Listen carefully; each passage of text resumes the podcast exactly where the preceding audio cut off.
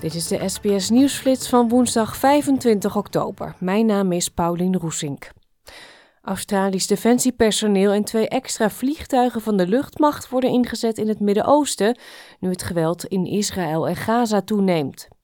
Minister van Defensie Richard Miles zei vanmorgen bij Channel 9's Today dat de inzet een voorzorgsmaatregel is, zodat Australiërs in de regio geholpen kunnen worden mocht de veiligheidssituatie verslechteren. De Wereldgezondheidsorganisatie zegt dat zij niet in staat is medische voorraden en brandstof te verstrekken aan grote ziekenhuizen in het noorden van Gaza, omdat de veiligheid niet kan worden gegarandeerd. Ze roept op tot een onmiddellijk staakt het vuren. De federale overheid gaat 2 miljard dollar extra besteden aan de kritieke mineralenindustrie.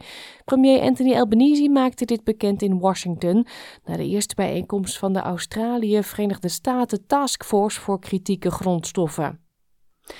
Er is een oproep om racisme in de Australische samenleving serieus te onderzoeken.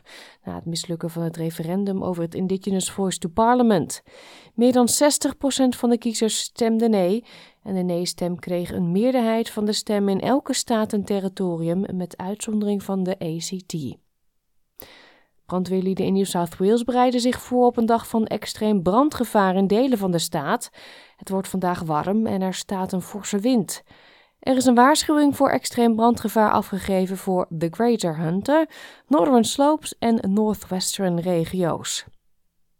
De Nederlandse Tweede Kamer wil dat er aan het slot van de formatie hoorzittingen worden gehouden voordat ministers of staatssecretarissen worden benoemd.